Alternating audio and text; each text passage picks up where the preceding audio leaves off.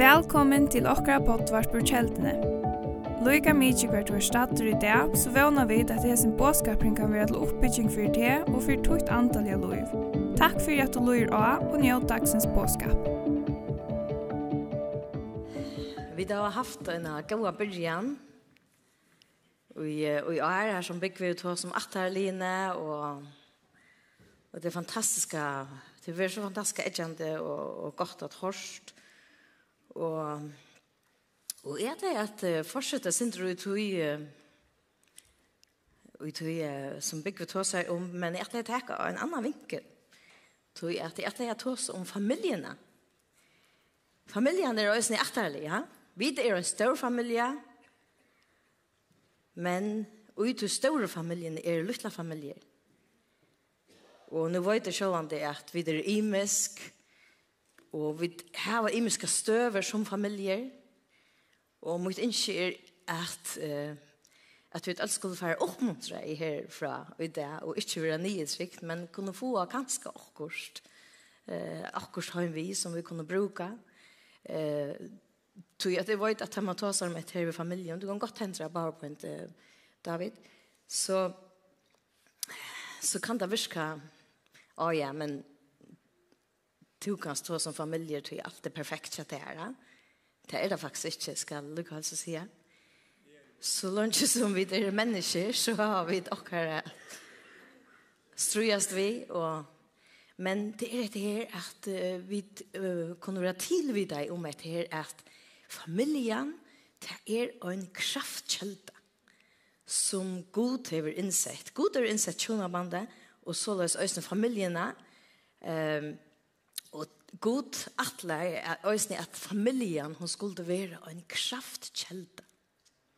Og det er det som jeg ikke tar som med det, og oppmuntre okken, og i hessen her, hvordan kunne vi bytja sterske familier. Samkomman, hun vil ikke sterskere enn familien. Samfunnet vil heller ikke sterskere enn familien. Så tog har vi bruk for å sette fokus etter vi familiene. Uh, og um, og Bygve kom inn og etter her, vi, han nevnte Trudja Kongar, og her, her er han uh, særlig leident, og han den her øyna som er at Josias, som har en annan hukbor enn hine kongene som bare huksa om seg selv. Josias, han sier at, um, at han ville fyrbyrja vannlokk og til atterlig. Han har den her hukboren at jeg må gjøre noe vi trobløyga. Og, og, og så løs kunne vi øysni arbeid ut og små at vi at vi har den her hukboren, for at jeg vil, jeg vil letja nækka, jeg letja gaua lunnar, jeg vil tjeva arven vi er til nasta atterlig, så det er at ta gonger og i arv til som vi da finnes At det ikke bare endar vi mer, men at ta gonger i arv.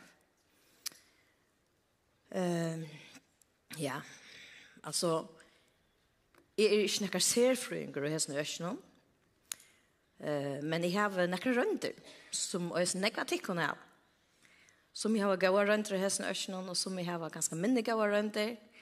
Men uh, jeg har vært baden i en av familien. Jeg har haft fyra syskon, tve gå foreldre, som har vurst en kärlek og omsorgen.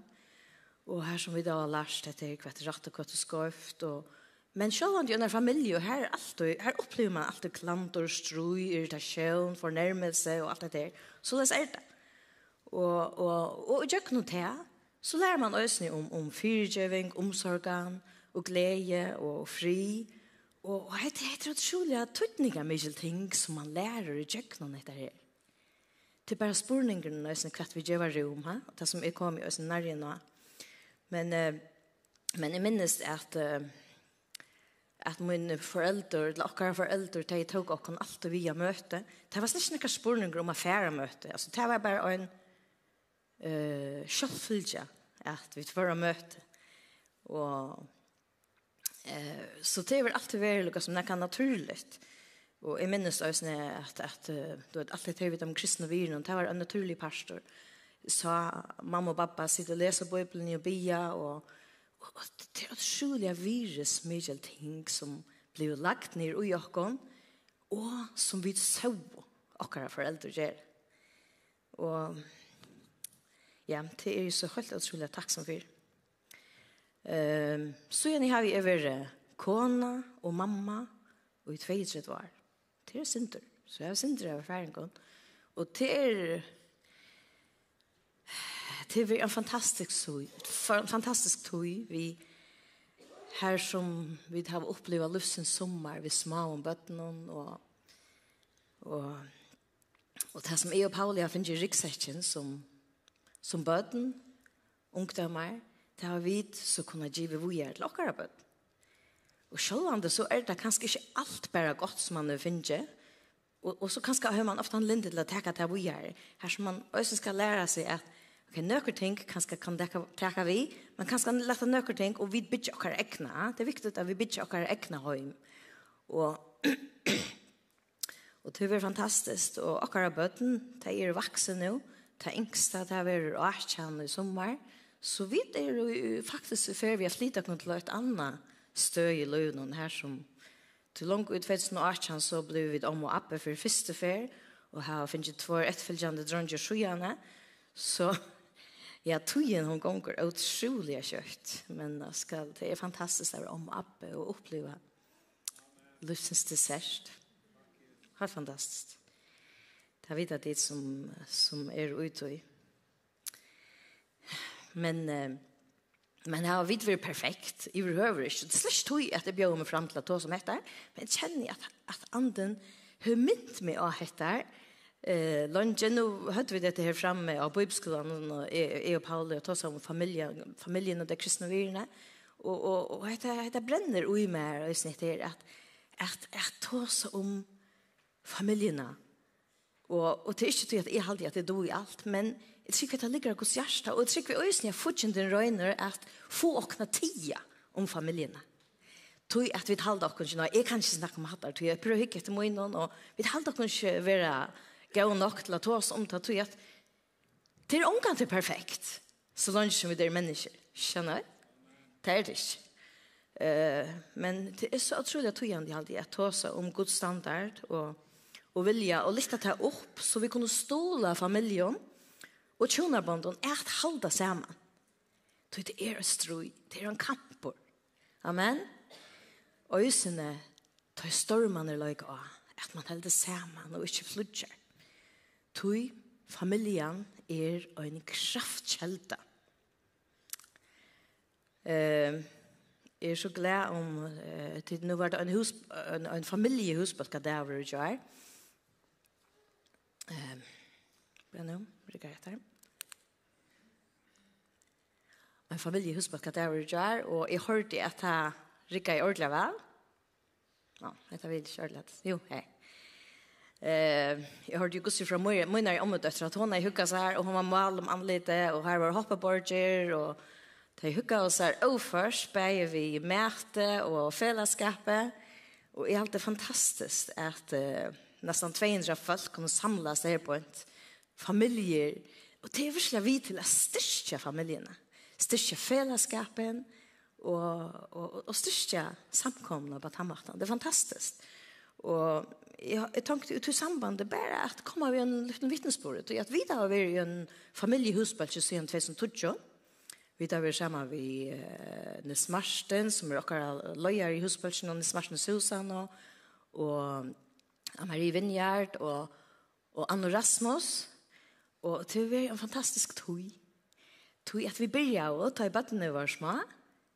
Og alt som vi gjør og nekk til bøttene var små, det var at vi skiftet oss om å bia for øynene i øynene familie. Så sette jeg en familie midt av gulvet, og så, så stedla vi dere ødel rundt om disse familiene og bo for dem.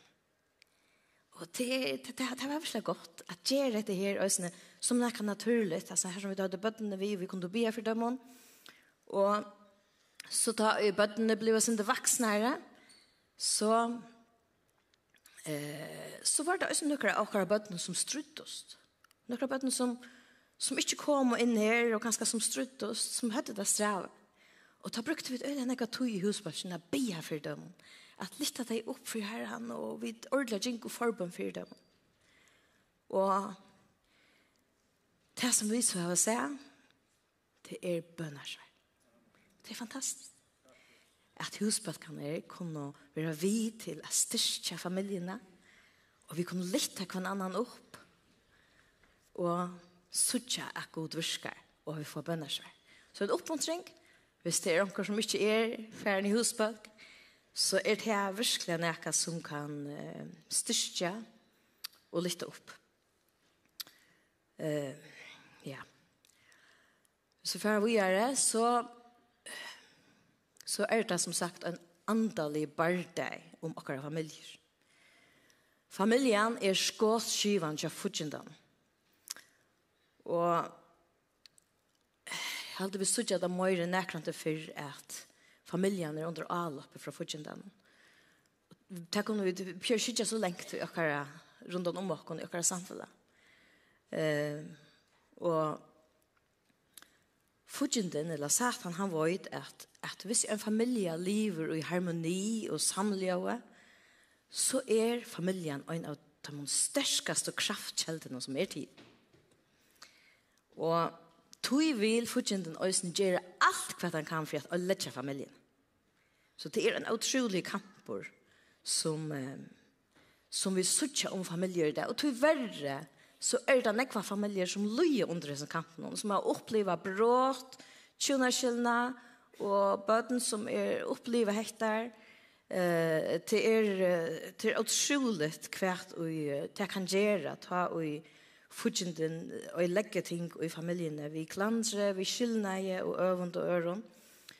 Og, men så, og i sin her, så kunne vi venda då og sige, ja, men, akkurat kampor, han er ikke med det blå i holdet.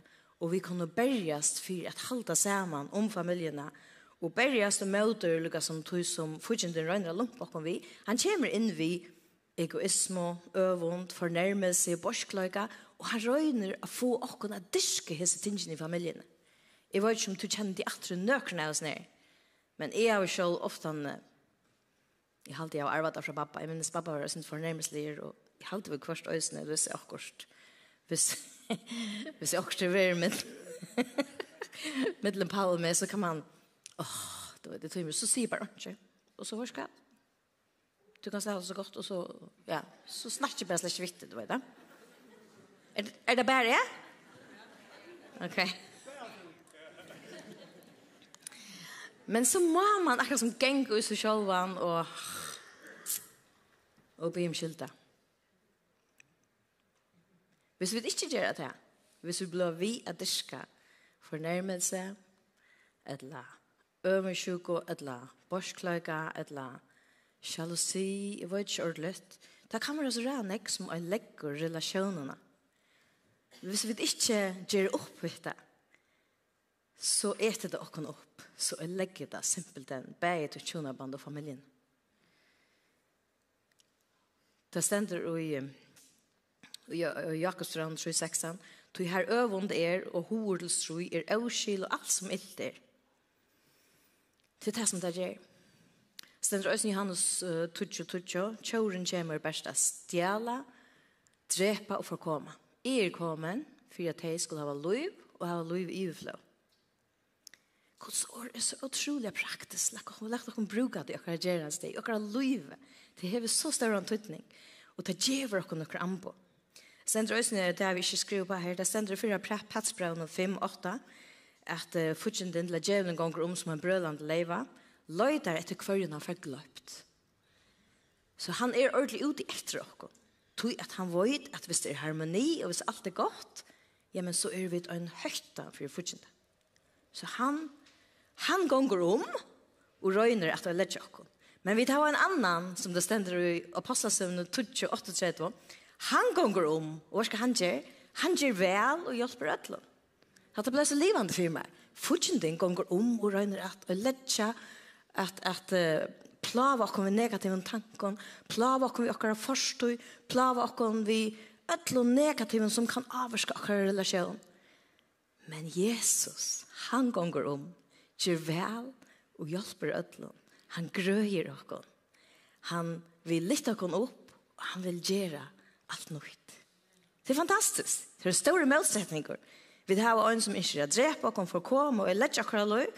Men Jesus, han er kommet, for jeg vil skulle ha løy, og ha løy i vil Han er kommet og grøy okkon. Fantastisk. Takk, Jesus. Så lette okkon... Uh, eh, bergast for okkara familjen. Eh, at Guds even naturliga kraft kan virka i okkara familje. Du tar gjer om okkara familje, familje er i samlige år. Okkara heim øyre vera en oasa. Og er glad for at Paulus sier øyre ofte han tenker meg, åh, det er godt å komme heim det er en oasa for meg. Det, det, det, det er jeg så rætt glad for. Det er det som jeg ikke akkurat høyme skal være, at det skal være en oasa. Her som Man får kvulse her som man får lada upp.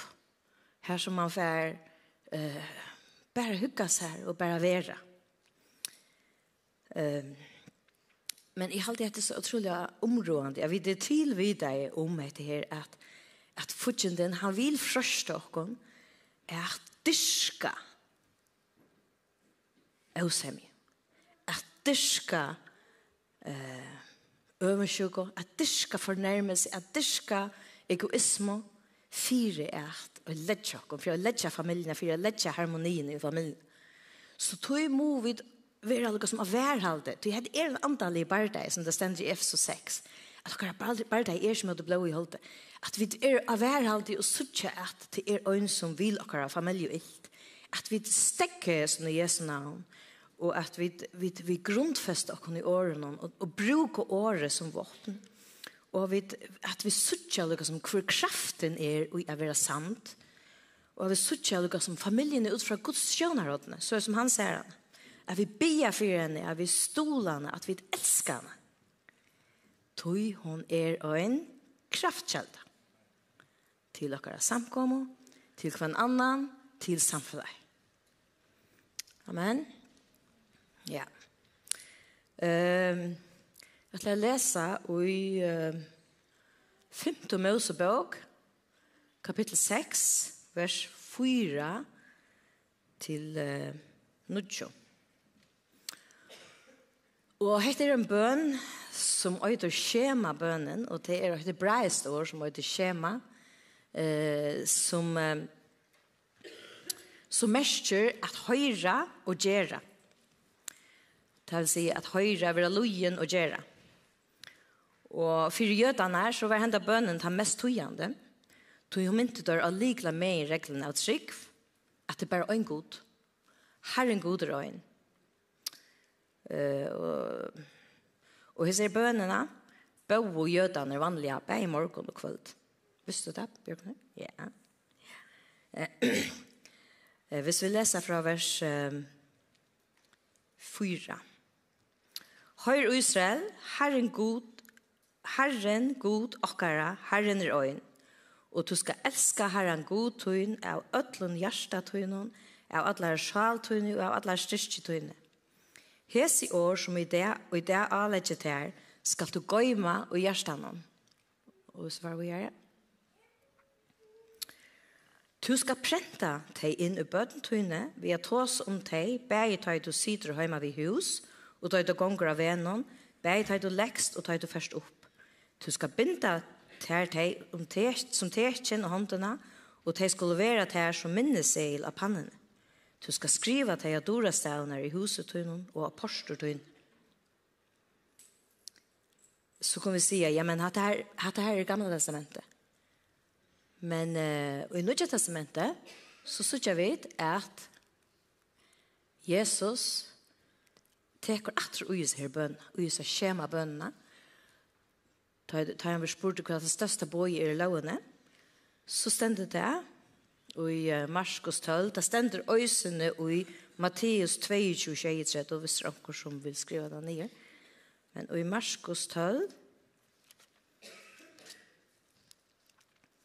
vers 28 til 30,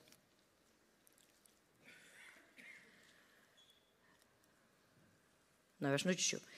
Jesus sverar jeg, Hitt fyrsta er hekta høyr og Israel, Herren god okkara, Herren er øyn, atre her bøynt. Det er bare øyn god, til han som er veveren, sandløgjen og løyve. Og du skal elska Herren god tøyne av ødlun hjärsta tøyne, av ødlun sjal tøyne, av ødlun hoa tøyne, av ødlun styrkje tøyne. Og så legger Jesus at rett, Anna er hekta, du skal elska nasta tøyne som til sjolvan. Større enn hese er ønske anna bånd.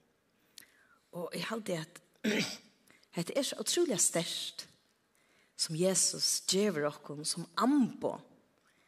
Jeg vil si at et ambo til at djeva det vi er. Og et ambo til at djeva det til dere bøtt. Hvordan gjør vi det? Jo, vi skulle elska god av hjerte, sal og styrke. Og det kunne godt bare være en prætika om etter her, at elska god av hjärsta, sal og styrke. Men det, det mest er egentlig at elska god vi ødelen som vi det hava. Vi okkara vite, det som vi fytler okkara vite vi, hva fytler vi okkara vite vi, og gusse djeva vi til bøttenen. Hva er det som fytler i okkara høyme? Guds år er fantastisk å heva i en høyme at uh, vi kunne at det kan være en naturlig pastor som jeg fortalte dere om, om det som er oppvaksen vi, det som vi har rent at vi er at Guds år og at hos om Guds år er naturlig i øynene hjemme ta elskar vi god av akkurat sal og elskar han av akkurat hjerte. hva mest det så jo det mest at vi gjør at det av hjärsta og ikke av plikt er at vi gjør det ikke til at vi har samfunnet vi god til at vi føler vi må religion altså at det er en religion. Nei, vi gjør det til at vi har en relasjon vi Jesus. Og det er en utrolig større måneder at vi ikke eh, bare gjør noen ting til at vi må gjøre det, men til at vi elskar Jesus, og tog blod en innere motivasjon. At vi må tog at, ja, vi sutja, og som jøkken året, hvordan jeg kan elske oss, og tog må vi gjøre det. Og styrke, at det sast atter, det som vi fytler i okkara sinne, okkara samfunnet vi god, at det sast atter det som vi gjør.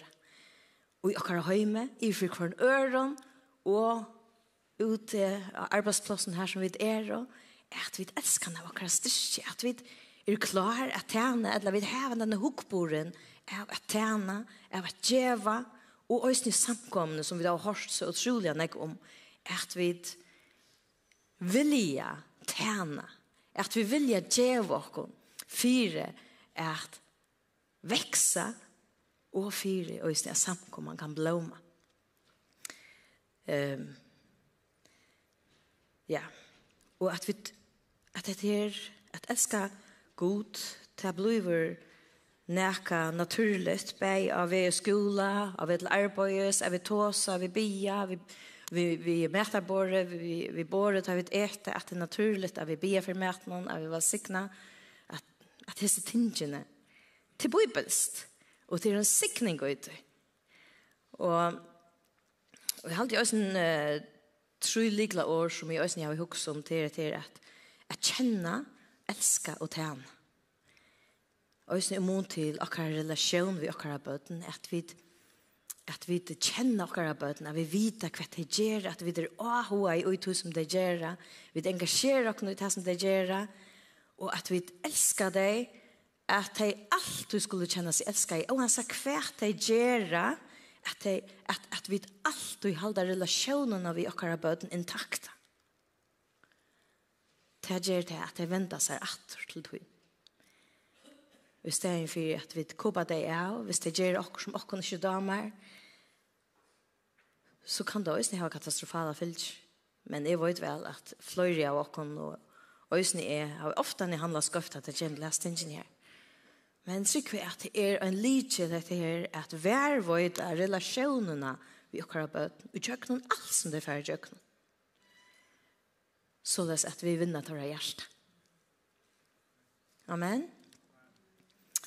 Um, uh, og i uh, Salma 88, 3 til tjej, her, uh, hatt jeg kunne lese selv, men her stendet det øyne om et her, at jeg var arven vågjere, at vi, vi, at vi som foreldre, ja, her er akkurat som en sånn lydel oppskrift på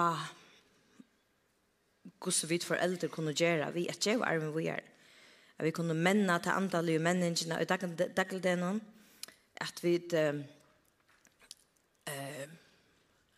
at vi sier henne kommande i atterlige fra høyre veldig herrens og fra ondron, og i han har vi gjørst. Leta bøtten, okkara vita, så kommande i atterlige kan kjenne det, bøtten og føtten skulle, født skulle være, kunne stå fram og sige bøtten sine fra til å sette vøen sine god og ikke glemme versgods Men halda på hans her. Atter her på en suttja vid, lukka som gossu vid, er kalla i til at djeva da vujar, og vujar, og vujar. Fyrst og fremst i heimen. Fyrst og fremst i heimen. Jeg er så glad for at vi har en samkomme, vi er en størst om badnearbeidet, og en størst om ungdomsarbeidet.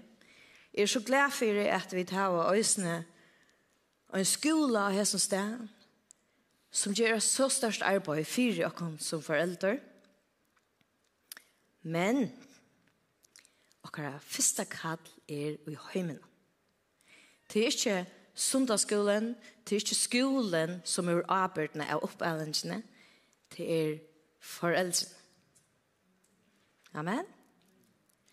Det må vi ikke glemme. Det er akkurat arbeid som foreldre, foreldre at læra bøttene til kristne vyren, at læra deg oppe Guds året, at læra deg at halda alt det som han er å bo i oss, som det stender Mattis 28. Og jeg halda det er utrolig området at vi som foreldre teker seg oppgavene og på oss, og at det virkelig ganger høyt opp igjen. Så det kommer å smitte av i øtlen som det gjør. Og det kommer å suttjes, skal du kanskje si. Det er sast hva vi gjør. Jeg tar lykke å vise av at uh, grunderleie, det blir lagt ta i badne er i middelen 0 og 12 år. Det som vi gjør, vi har bare, nå vet du vel at vi har badnager og skola og, og det er utrolig enn det kvartumer her, men det som bøtten er så utrolig lojal, og det er kjenne tryggløkene og kjenne alt det her i høymen og til det som de vil forme og mynde er først og fremst. Og det som hender i her som togjerskøyen mellom 0 og 12 år, det avvarsker tar det avgjør, det avvarsker tar det hømsfæten og trygg i fremtiden. Det er større avvarsker hva vi gjør. Og flest tankar om løyve, det vil si hokborer, vil være myndeier, er en baden i 12 år. Og ta grunnleggjande fundamentet, at jeg avgjører er på plass og er en tannår. Så dette er utrolige tøtninger mye år, tid som øya småbøtene med 0 og 12 år. Det hever så større tøtning, hvert vi gjør hjemme. Og så kommer vi bare takka for det, at vi har sundagsskola, og vi har friskola, som er en forlangtor armor av tog som vi som foreldre gjør. Det er en forlangtor armor av tog som vi som foreldre gjør. De skulle ikke takke arbeidene for oppbehandlingen, men til vi som har arbeidene, og skolen kan stole av tog, og sundagsskolen, bandamøtet kan stole av tog, ungdomsarbeid kan stole tog. Amen? Ja. Uh, men Hvordan sier jeg tølen ut at det kommer til dette her, at takk med Jesus. Um, og jeg halte at vi har noen av å være tøl her på en. Uh, Charleston fra Singapore, han er noen hagtøl her på og her er tverkanninger. Uh, han sier at 50% av ødelen og hjertene kristne kommer til Kristus er en der fytla 3-2. 45% av er en der fytla 25.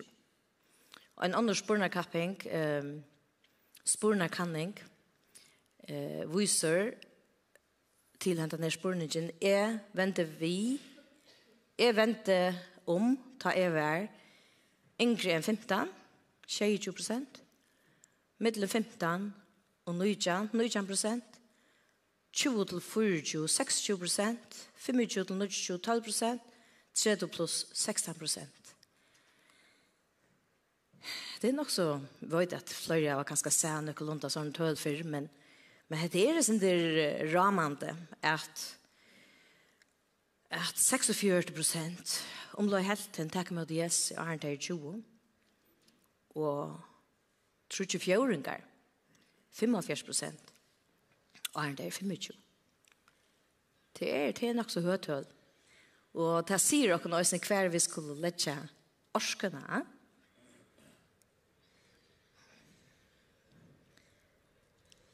Så jeg har det ordentlig godt av vidt øyne i akkurat samkom og sette fokus av det yngre atterlige. Og... Men, men uh, det yngre atterlige, det stender ikke bare i seg selv om vi har bruk for øtlen atterlige så vi kunne stole hver nøyre. Og det sannelig har bruk for øyne i akkurat som er i midten. 45 og trus. Og eldre. Herren kan bruke okkon øysene at, at stole og at um, og øyne i imsen oppgave. Men uh, ærene kom, jeg kom, uh, ja, jeg skal lykke nevne dette her, øyne, at, at vi, vi standa i en utrolig avbjørende tog, tog det er så utrolig nek som vil, uh, uh, vil, uh, ja, hørte det kristne virene. Så kunne vi spørre, hvor har vi så større avbjørende, lukket som haltes ned virene oppe? Hva er det som gjør det så, så sträve. Er det vi som foreldre som har släkat eller gatt elda?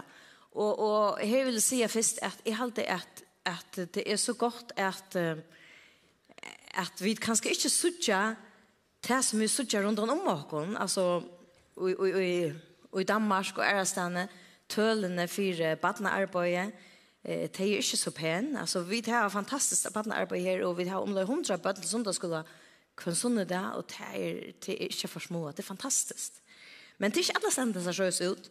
Jeg, jeg les om, um, om øyne som er badnapastor i til største samkommet i Danmark, for noen annen så gjerne.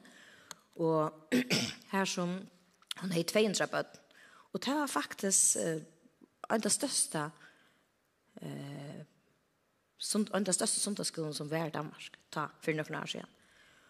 Og hon forteller at papi henne er det Han heie sundagsskola, og ta var det 2000 bøtt. Det vil si at det er helt atter til ta Eva baden, at det var 2000 bøtt i Danmark, og nå er det bare 200. Nøkkelund i samme omkvarver. Jeg vet ikke ordentlig hvordan tølen så ikke ut nå i Danmark, men, men det er, det er nok så ohånallet. Hver videre kommer til, det, det kommer til dette her. Eh, alltså Danmark som ena för vara ett land som sände nekvar nekvar missionärer ut. Och, tog, på, på grund av tog att vi då först giv arven vi är. Det är det är minka minka minka minka så nek. Ni är ju en tuschenda past det som det ser ut till i Helsingförarna. Ehm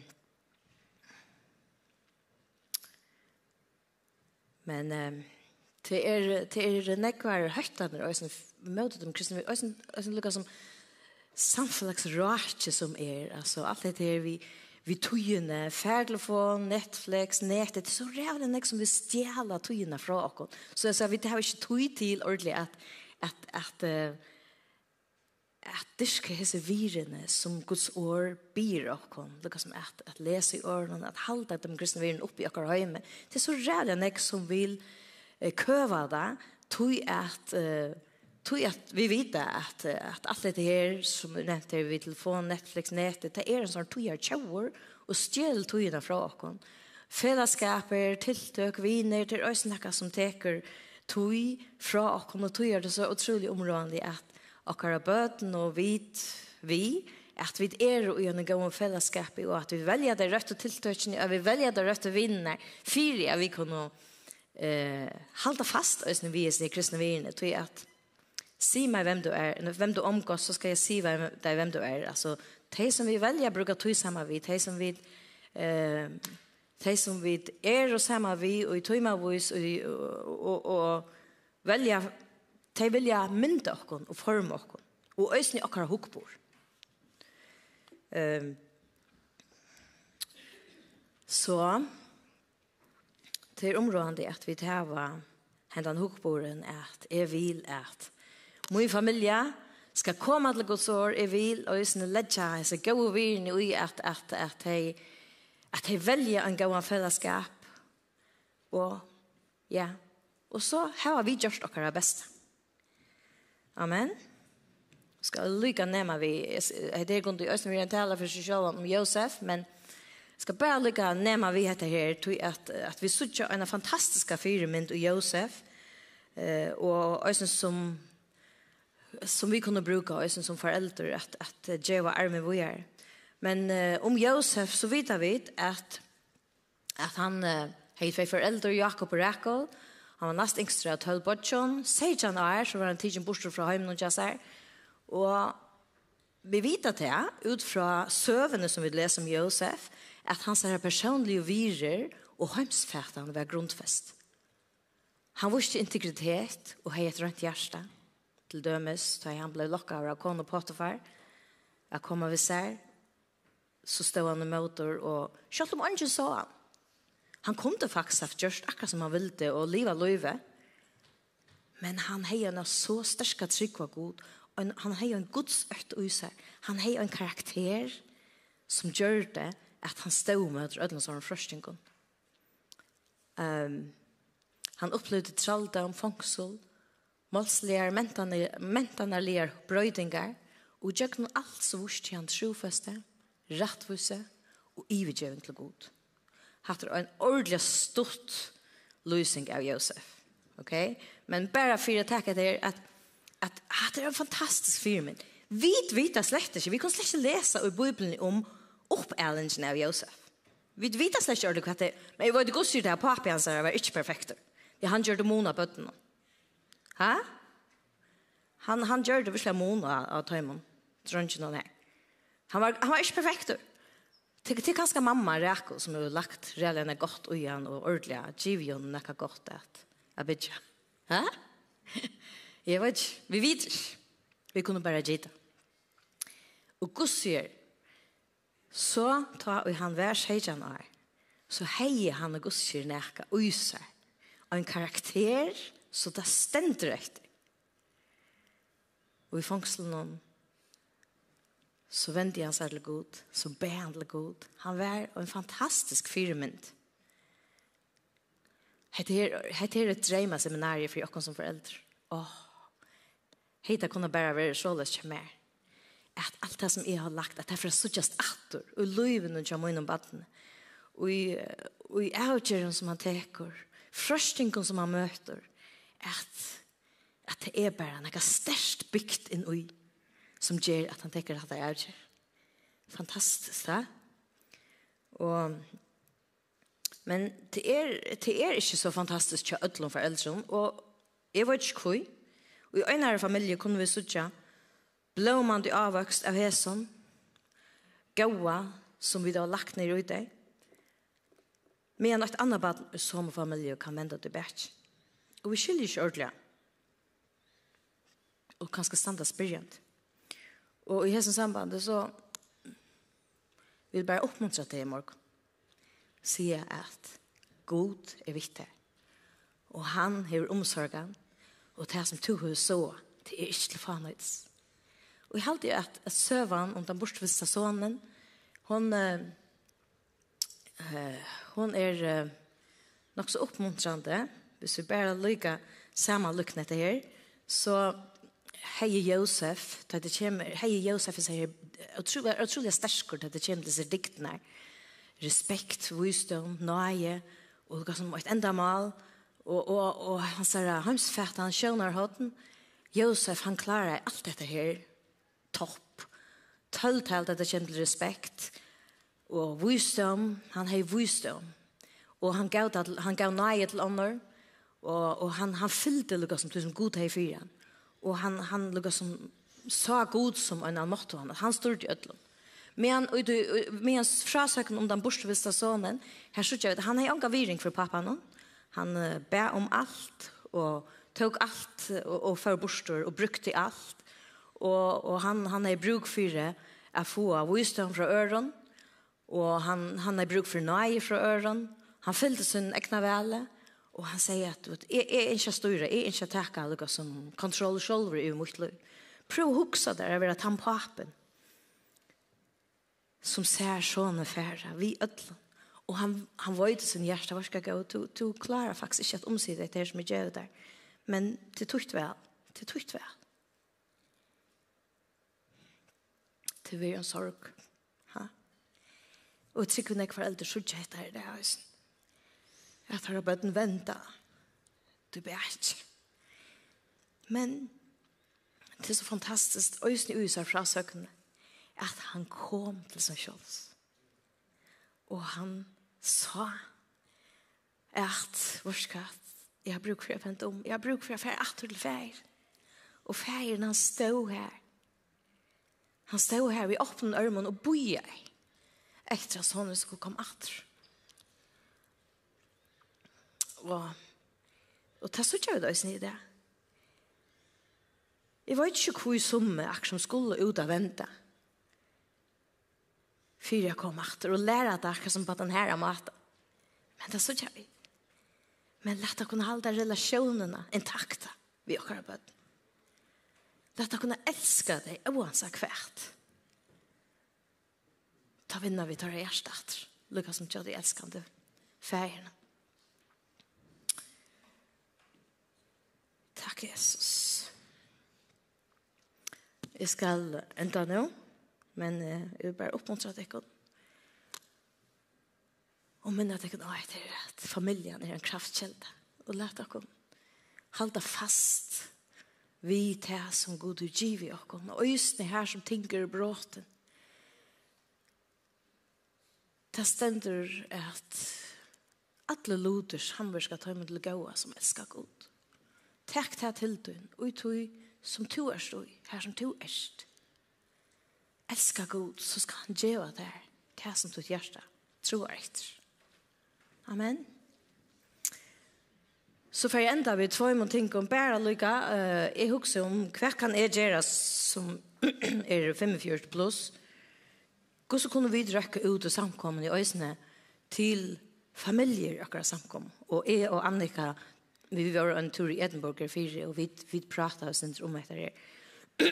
och jag kunde ta prata så snackade vi med landet om ja men hur så kunde vi tjäna kvar en örne samkom tjäna familjen någon hur så kunde vi ehm vad som knyta attarlene mer skärman styrka kvar annan ha omsorgen för kvar en öron så läs att vi blir starkare skärman så, så fikk jeg seg mynden av seg här krukken her, av, av ødlån smabatna familien og samkomne.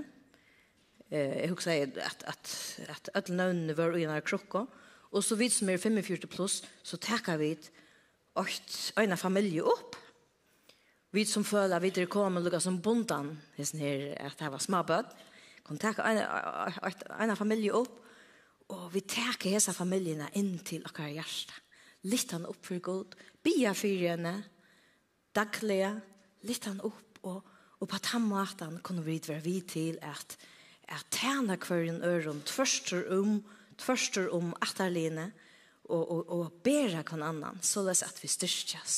Jeg har ikke noe praktisk uh, vi her der men jeg er vant til at vi får at, at gjøre dette praktisk en annan der, så at vi kunne gjøre det, kanskje Annika og jeg vet at Miriam er øsne arbeid til det her snakke om, kommer vi för att göra det som är praktiskt. Men det var också som jag har om. Och så är det åt annat som jag vill att det kommer att vara Det var det här Pauli han tog sig om ett här vi omsorgar tennasen. Och vi har utdratt händerna och och och så snackade vi om för att att styrka vitsen här tjänsten.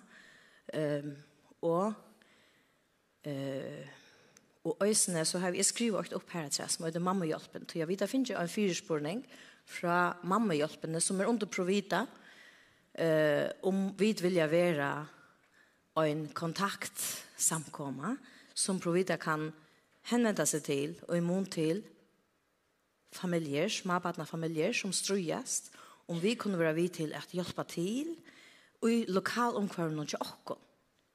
Og i alt det er är det utrolig spennende, og jeg vil gärna være den kontaktpersoneren hvis i tid vil jag øyne hjelper meg å fevne hesen.